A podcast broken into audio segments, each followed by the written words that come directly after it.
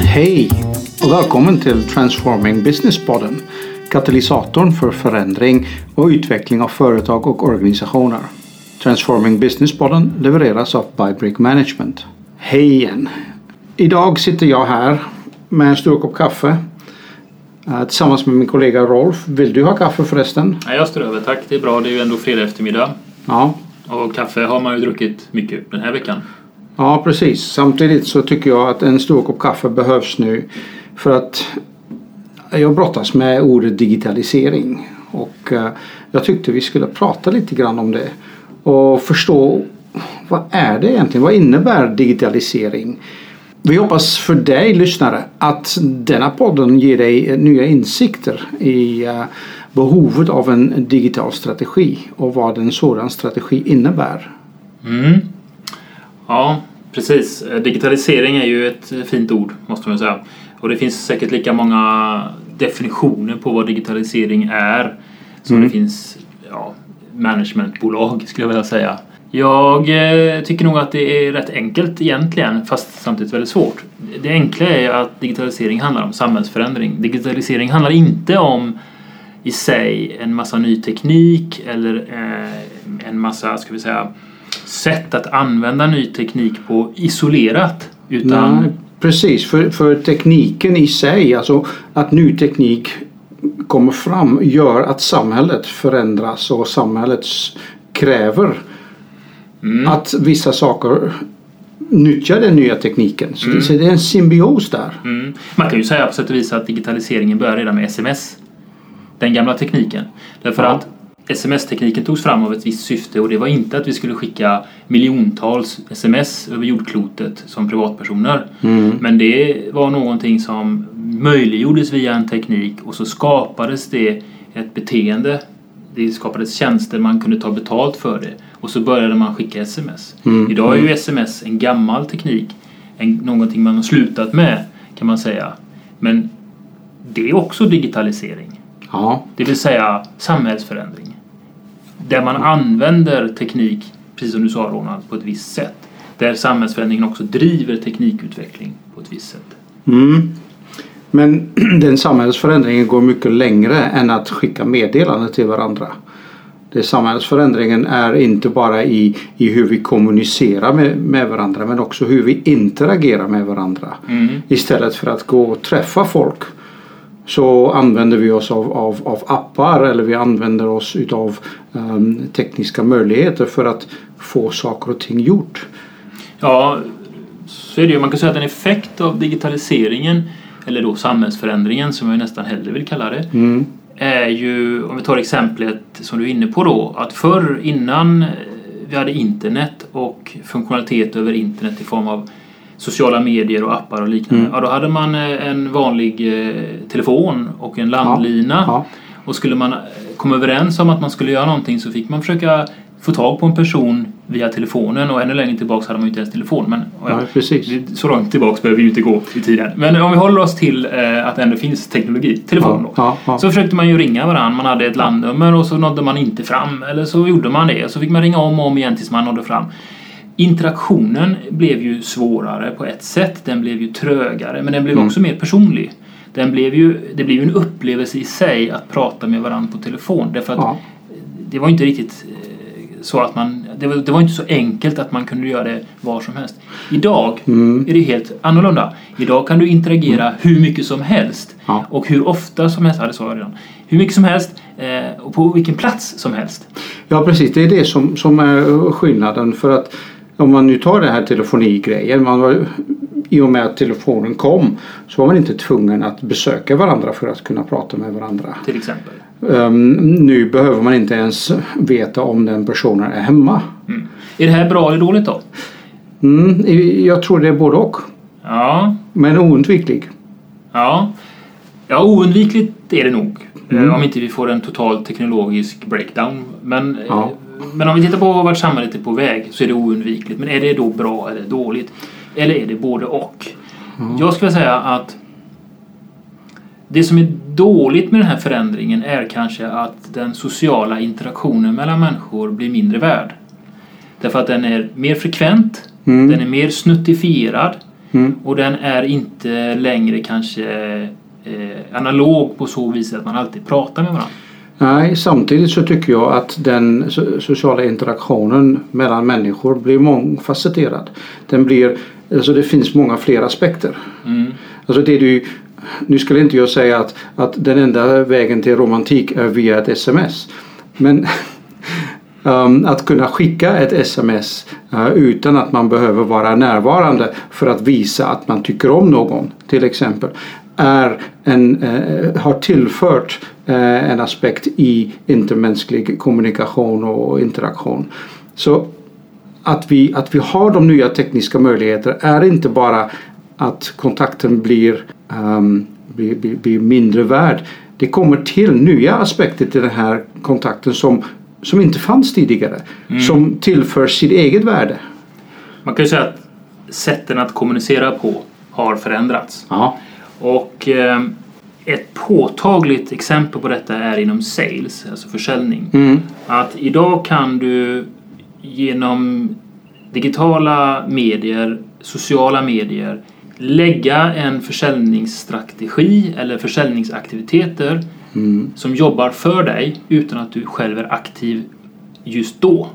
Så du Mm, skapar en interaktion med potentiella köpare, till exempel över Facebook. Mm. Eh, och det kan faktiskt vara som så att du säljer dina produkter mitt i natten när du själv ligger och sover på grund av att den här motorn som finns i sociala medier jobbar åt dig. Och samma Ja. sak är det ju med internethandel. Ja. Att internethandeln har ju skapat en helt annat köpbeteende än vad vi Precis. hade förut. Affären behöver inte vara öppen, internet är alltid öppet. Precis. Det är en Du surfar, du surfar in på en sajt, Ja. du beställer dina grejer, du kan göra det när som helst. Och du gör det själv. Du gör det själv. Och jag som säljare behöver bara, inom citationstecken då, för det är ju inte så enkelt, men Mm. i alla fall, se till att jag har en attraktiv sajt, attraktiva varor till attraktiva priser. Precis. Men själva försäljningsmomentet finns det andra lösningar på än att jag själv står i ett stånd på marknaden och säljer. Ja, det, det, försäljningsmomentet har ett helt nytt företeelse. Det, det, det, den kräver inte ens en säljare. Alltså en fysisk säljare. Den kräver en, ja, i det här läget då, en, en teknisk lösning som möjliggör att jag kan avropa ett säljmoment nästan. Så då kommer vi till den andra delen i den här Mm. samhällsförändringen som, som är relevant och det är interaktionen mellan leverantör och kund. Ja. Den har förändrats och fortsätter att förändras. Ja. Eh, internethandeln, om jag tar det exemplet igen, har ju gått från att vara eh, en slags dum kopia på fysisk handel Mm. till att bli någonting helt annat där den yngre generationen, som ju inte vi tillhör, Mm. men vi känner ju till den i alla fall, Mm. de köper ju på ett helt annat sätt. De kanske köper tio exemplar av ett plagg i olika storlekar, olika färger, därför att det är fri frakt. Ja, Och så tar de hem tio, testar och så skickar de tillbaka nio. precis. Och det här gör de varje dag. Ja. Och du som leverantör kan inte direkt påverka det. Du vet inte heller hur de, hur de funderar. I den interaktionen som du, den analoga interaktionen så kan du känna av, du ser att en kund tycker, eh, ser glad ut eller mer bekymrad ut när du väljer den ena eller den andra plaggen. Ja, det det innebär är ju egentligen att eh, logistikbranschen växer. För det blir ett Ja. himla skickande fram och tillbaks. Mm. Är det samhällsekonomiskt? Ja, tänk så här. Är det bra att ha köpcenter där tusentals bilar åker till, en eller två personer i varje Mm. bil, och parkerar och går och handlar? Eller är det bättre att ha en distributionsbil som kör runt och levererar paket? Mm. Ja, jag tror på nummer två, faktiskt. Eh, Utifrån det perspektivet ja. Ja, så är det ett samhällsekonomiskt bättre företeelse att man gör så. Och det här är ju, ser vi också i USA bland annat att köpcentren dör. Mm. Vi kommer ju i i Sverige också få den effekten inom, ja, låt oss säga 10-15 år. Att eh, folk inte är intresserade av att åka till köpcenter längre. Utan det mesta av handeln sker på internet. Mm. Då är det ju en paradox att det samtidigt nu i samhället planeras nya köpcenter. Varför görs det det? När det egentligen inte kommer behövas i framtiden. Det här är digitalisering. Ja, det är en förändring i samhället som har en stor påverkan på, på många aspekter. Vilket då driver den tredje aspekten. Det vill säga Mm. nya tjänster och produkter.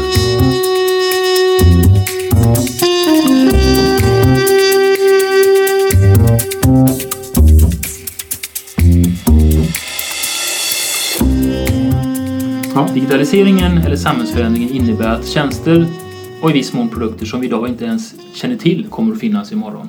Ja, det har jag hört talas om ofta.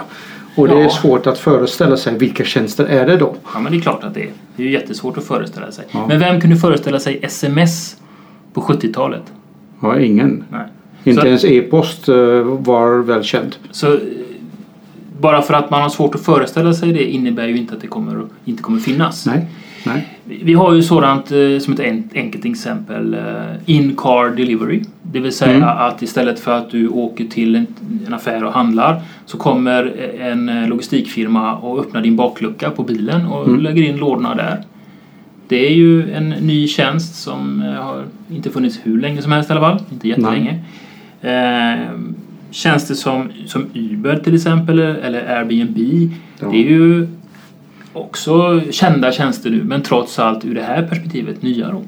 Ja, för de är inte ens konceptet, eh, tankarna fanns för 15 år sedan. Nej. Och det är bara 15 år. Titta på musikbranschen hur den har förändrats Ja. från att leverera produkter, dyra produkter där eh, väldigt få aktörer tjänade väldigt mycket pengar. Du menar iPod till exempel?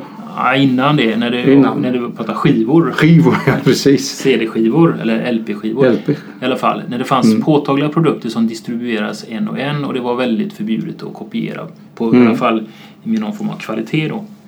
Och så nu har vi då eh, gått över till exempel eh, iTunes till Spotify. Mm. Där det finns inga pengar längre i att distribuera musik. Artisterna Nej. tjänar extremt lite på att finnas på Spotify.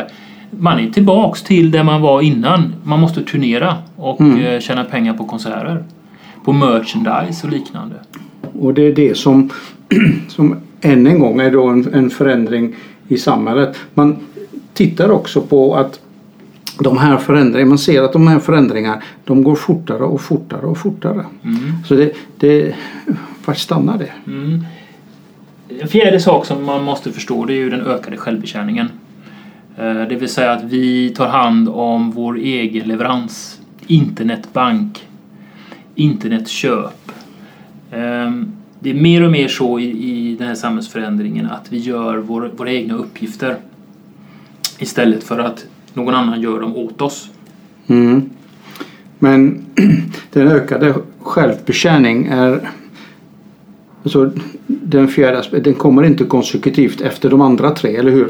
Nej, utan alla de här eh, hänger ju ihop. Ja. Det är ju inte så att det är någon sekvens i de här. Nej, okej. Utan, utan det är mer um, karaktärsdrag kan man säga Mm. på samhällsförändringen. Vi är alltså beredda att acceptera att vi själva gör mer.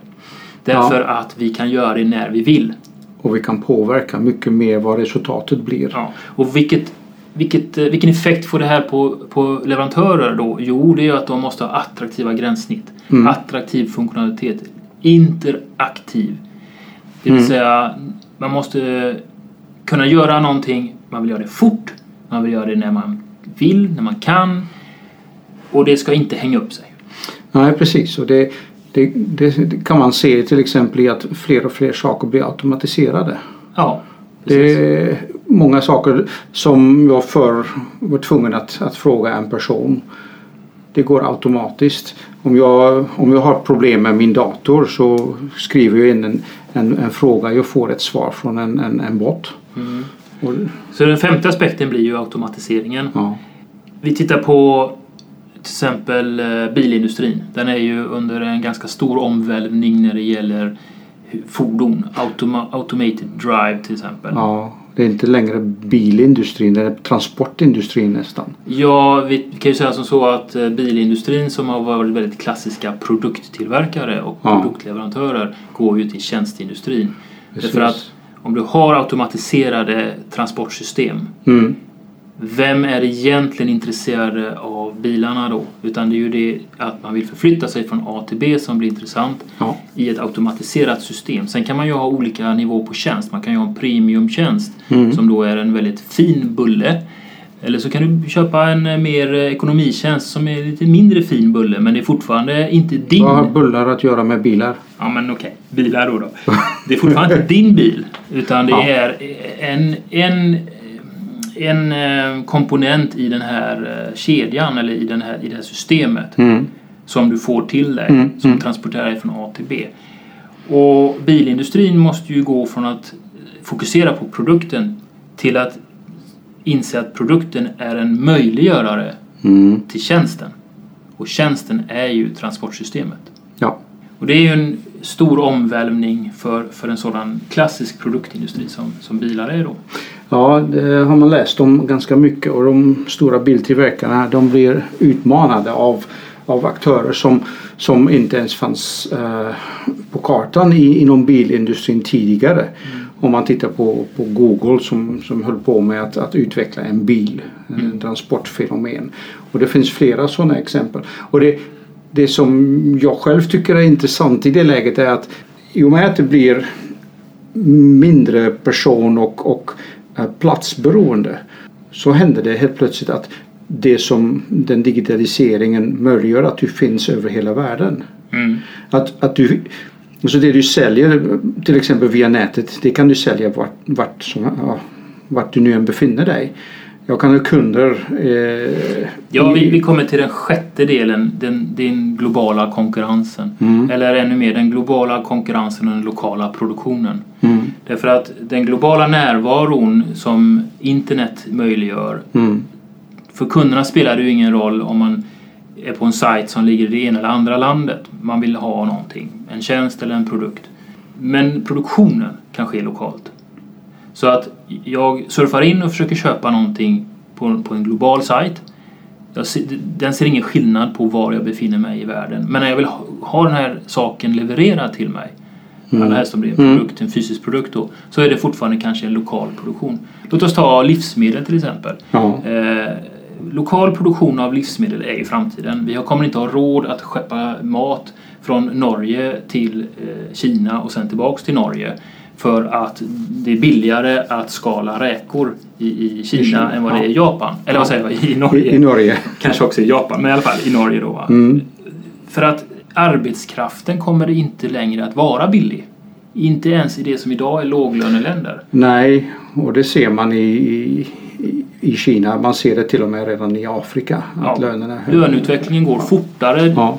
nu än någonsin. Ja. Så det finns ingen rational i att skicka mat över jordklotet. Utan det ska vara lokalt producerat Mm. av flera skäl. Också för att vi vill köpa lokalt producerad mat. Mm. Men vi kan ju handla den globalt. Det vill säga, det finns ingen anledning att ha en lokal inloggning till någonting för att köpa det. Precis. Vi, vi förväntar oss till och med att vi kan handla det överallt i världen. Om du förflyttar dig så förväntar du dig, alltså, jag förväntar mig att den tjänsten som jag har hemma ska också finnas där jag reser till. Mm. Och det är också en, en förändring. Alltså den, ehm, att förväntningsnivån stiger. Att leverantörerna av tjänster att de ska vara globalt närvarande. På något sätt kan jag tycka det är synd. Att den lokala ehm, flavor, den lokala smaken kanske för, försvinner lite grann. Jag skulle vilja säga att det kommer nog alltid finnas plats för lokala spelare även i den globala konkurrensen. Men det är just det att man måste förhålla sig till global konkurrens. Så att det är inte längre som förr när man hade ett ekosystem där man var en del i som var väldigt litet. Utan nu är det ett globalt ekosystem och det, man kan bli konkurrensutsatt av en spelare i Indien eller i Brasilien lika väl som en som ligger i nästa kommun. Mm. Så länge det finns en lokal produktion. Ja. Så global konkurrens, lokal produktion, det var sjätte delen. Sen en sjunde del i detta det är ju att det blir en snabbare omställningshastighet. Mm. I, i att eh, i, man säger, världen minskar ju i och med globaliseringen. Eh, konkurrensen ökar ju på det sättet och då måste omställningen också gå fortare. Det vill säga att folks beteenden förändras fortare och fortare. Nya produkter måste komma ut fortare och fortare. Man har kanske inte tid att kontrollera kvalitet på samma sätt som man gjort förr utan nu ökar då behovet av att komma först. Därför Mm. att konkurrensen är så hård. Och då kan vi leva med att det kanske inte fungerar perfekt. Appar är ju ett väldigt bra exempel, till exempel i mobiltelefoner. Hur många appar fungerar perfekt när de släpps? Inte många. Nej. De flesta appar, kanske med undantag från sådana som har med liv och hälsa att göra, men i alla fall de flesta apparna de förbättras ju successivt. Så de går ju från att vara ja, halvbra till att bli bra över tid. Ja, men det är också ganska många som försvinner på vägen. Ja, Som ramlar bort. och uppdateringarna kommer Ja. ofta. De kanske Ja. kommer dagligen. Precis. Och vi bryr oss inte därför att en uppdatering går så fort. Ja, Så för oss spelar det inte så stor roll. ibland har vi inte ens upptäckt de felen som fanns. Nej. Så snabbare omställning är den sjunde delen. Mm. Och den sista och åttonde delen som, som jag skulle vilja ta upp det är ju att vi har en högre interaktion och specialisering i samhället rent generellt. Vi agerar alltså, interagerar mycket mer med varann nu än vi någonsin har gjort Mm. på olika sätt. Genom att det möjliggörs genom digitala medier och sociala medier och liknande. Och eftersom vi också blir fler på jordklotet så kommer också specialiseringen att behöva öka. Vi kommer alltså bli mer och mer snäva i vad vi håller på med Mm. som människor. Mm. Det är också kopplat till nya tjänster och produkter och den här interaktionen som är mellan leverantör och kund. Så framtiden ligger ju i specialistskråna vill jag ju påstå. Eh, generalisterna har, har det lite tuffare faktiskt. Mm. Så det är åtta stycken aspekter På av den här samhällsförändringen. samhällsförändringen Ja. som, som, som vi ser. Och det här drivs ju då av nya beteenden, nya förväntningar på saker, ny teknik. Ja. Vad ska vi göra med det? Men, det- Ja, vi måste ju formulera en digital strategi.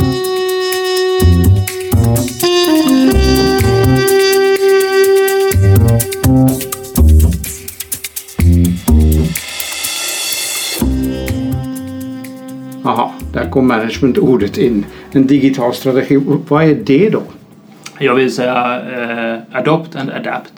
Det vill säga om inte du, vem du nu än är, identifierar och bekräftar att det är det här som pågår i samhället. Det är ingen, Mm. idé, det är ingen idé att kämpa emot. Det här, det här, det är som en tsunami, det kommer. Oundviklig. Ja, så, så måste du skapa dig en strategi kring hur ska jag förhålla mig till den nya tekniken och de Mm. möjligheterna, de nya beteendena och de Mm. nya förväntningarna. Därför att om inte jag gör det så gör konkurrenterna det. Mm. För alla företag, om vi nu pratar om företag eftersom det är de som vi hjälper, Mm. de påverkas av den här samhällsförändringen. Mm. Jag skulle gå ännu längre och säga de påverkar också samhällsförväntningar. För Ja. även om de är omedvetna om sin, sin roll, så, så sin, sin, sin aktiva roll i det, så tror jag att de ändå med hjälp av ny teknik påverkar att, att folk agerar annorlunda. Mm. Innovation av, av tjänsterna gör att helt plötsligt så hittar man det här guldägget. Mm. Där man tycker, men nu kör vi på detta. Första webbshoppen till exempel. Mm. Ja, och det, digitaliseringen då, eller samhällsförändringen påverkar ju också IT på så vis att man Det är ju tekniken. Ja, det är ju tekniken naturligtvis. Men man hamnar ju i ett nytt ekosystem där, där eh, digitaliseringen eller den nya tekniken hamnar närmare kärnverksamheten, the business. Ja, Och eh, man pratar ju om Chief Digital Officers och så vidare och det är ju egentligen en slags affärsutvecklande roll som man ska ha för att kunna förstå hur man ska optimalt använda ny teknik, hur man ska exploatera ny teknik i Mm. det man levererar till marknaden. Eh, Det är ju inte en IT-avdelning som sitter och gör appar utan det är väldigt nära kärnverksamheten där man hittar eh, kunskapen och insikten i att man vill ha någonting nytt för att möta ett nytt behov eller till och med skapa ett nytt behov. mm vad, vad innebär det då för IT-avdelningen att, att kunna hantera den här utmaningen? Ligger de helt och hållet i, i, i bakvattnet på efterkälken?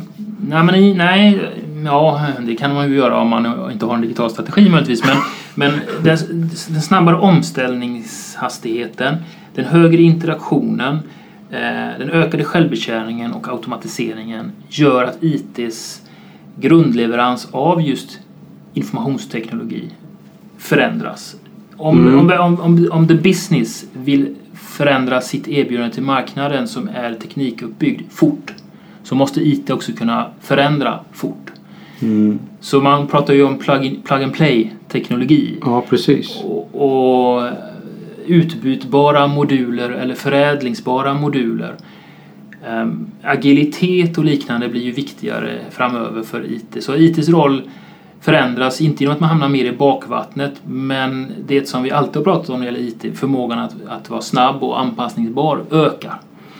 Mm. Ännu mer. Ja, precis. Samtidigt som jag ibland får en känsla av att okej, okay, då stoppar man det här mellan citationstecken smutsiga IT i en låda som vi målar blå eller vit och då blir det molnet. Mm. Och vi bryr oss inte om hur den fungerar. Den ska bara finnas. Och um, det enda vi fokuserar på är att utveckla de här um, verksamhetsnära eh, gränssnitt kundgränssnittet, appar, um, webbapplikationer, um, tekniska um, funktionaliteter som, som ligger ute i, i, kundens, i kundens miljö nästan. Ja, ITs grundleverans blir ju bara än viktigare att den fungerar för allt det du räknar upp nu kommer ja. ju inte fungera annars. Eh, så ITs roll som eh, leverantör av grundteknologi förändras ju inte egentligen. Utan det som kommer ovanpå det är ju mm. snarare då förmågan att stötta det du räknade upp. Mm. Jag tror med. Däremot, men jag, jag hör ofta att, att man ändå tycker att men, det där är Ja, det är omhändertagen när vi har lagt det i målet. Jag tycker det är en förenkling som, som, som skadar vikten på att vi, vi har en stabil och pålitlig leverans där ute. Mm. Men då börjar vi ju närma oss ett annat område och det är ja. sourcing och eh, provisioneringsmodeller överlag. Och, eh, bland annat? Bland annat, ja. Det är ju egentligen inte digitalisering. För kom ihåg nu om vi går hela vägen tillbaks. Digitalisering handlar ju om samhällsförändring. Mm. Men som vi, som vi sa, en, i en symbios mellan teknik och samhället. Absolut. Och jag, jag tror att um, det, vi, det, det, du nämnde där med att skaffa sig en digital strategi eller en strategi om hur du hanterar den här digitaliseringen i samhället är otroligt viktig. Mm.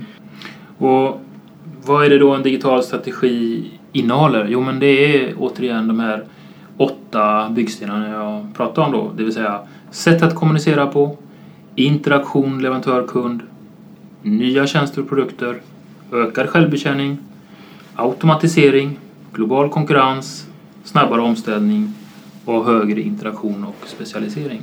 Så en, mm. en, en digital strategi måste titta in i alla dessa åtta områden, förstå hur nya beteenden och förväntningar och ny teknik påverkar detta och försöka då utilisera det på bästa sätt mm. utifrån det uppdrag man har som Precis. organisation. Då. För det kan vara så att man är en myndighet eller ett företag. Man har ju helt olika betingelser för att leva. Mm. Eh, och då eh, det är klart att strategierna ser olika ut då för olika typer av organisationer.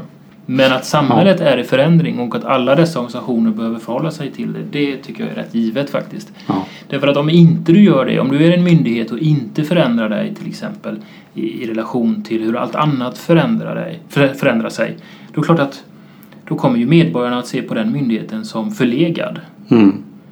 Och inaktuell, ointressant och ha klagomål på den. Mm. Är du ett företag så riskerar du naturligtvis att eh, inte överleva. Nej precis. Där är det konsekvensen eh, lite tydligare. Lite drastisk. Drastiskt också. Jag, um, under, under tiden att vi pratade om detta så fick jag tänka mig på en, eh, en aspekt av det här med telefoni. Mm. När telefonin infördes i Nederländerna så gick telefonist och telegramstyrelsen ut med instruktioner om att man bara fick använda telefonen i nödfall. Mm. Det har hänt en hel del där. Mm, det kan man ju säga. Mm. Idag önskar man ju nästan att den bara användes i nödfall. ja, precis. Ja, så kan det gå med samhällsförändringar. Jag ser att kaffet är slut. Ja, kaffet är slut och äh, även den här äh, podden. Vi vill äh, tacka dig lyssnare för att ha varit med och um, önska dig ett återhörande inom kort. Mm. Det var nästa podd. Hej då! Tack så mycket. Hej!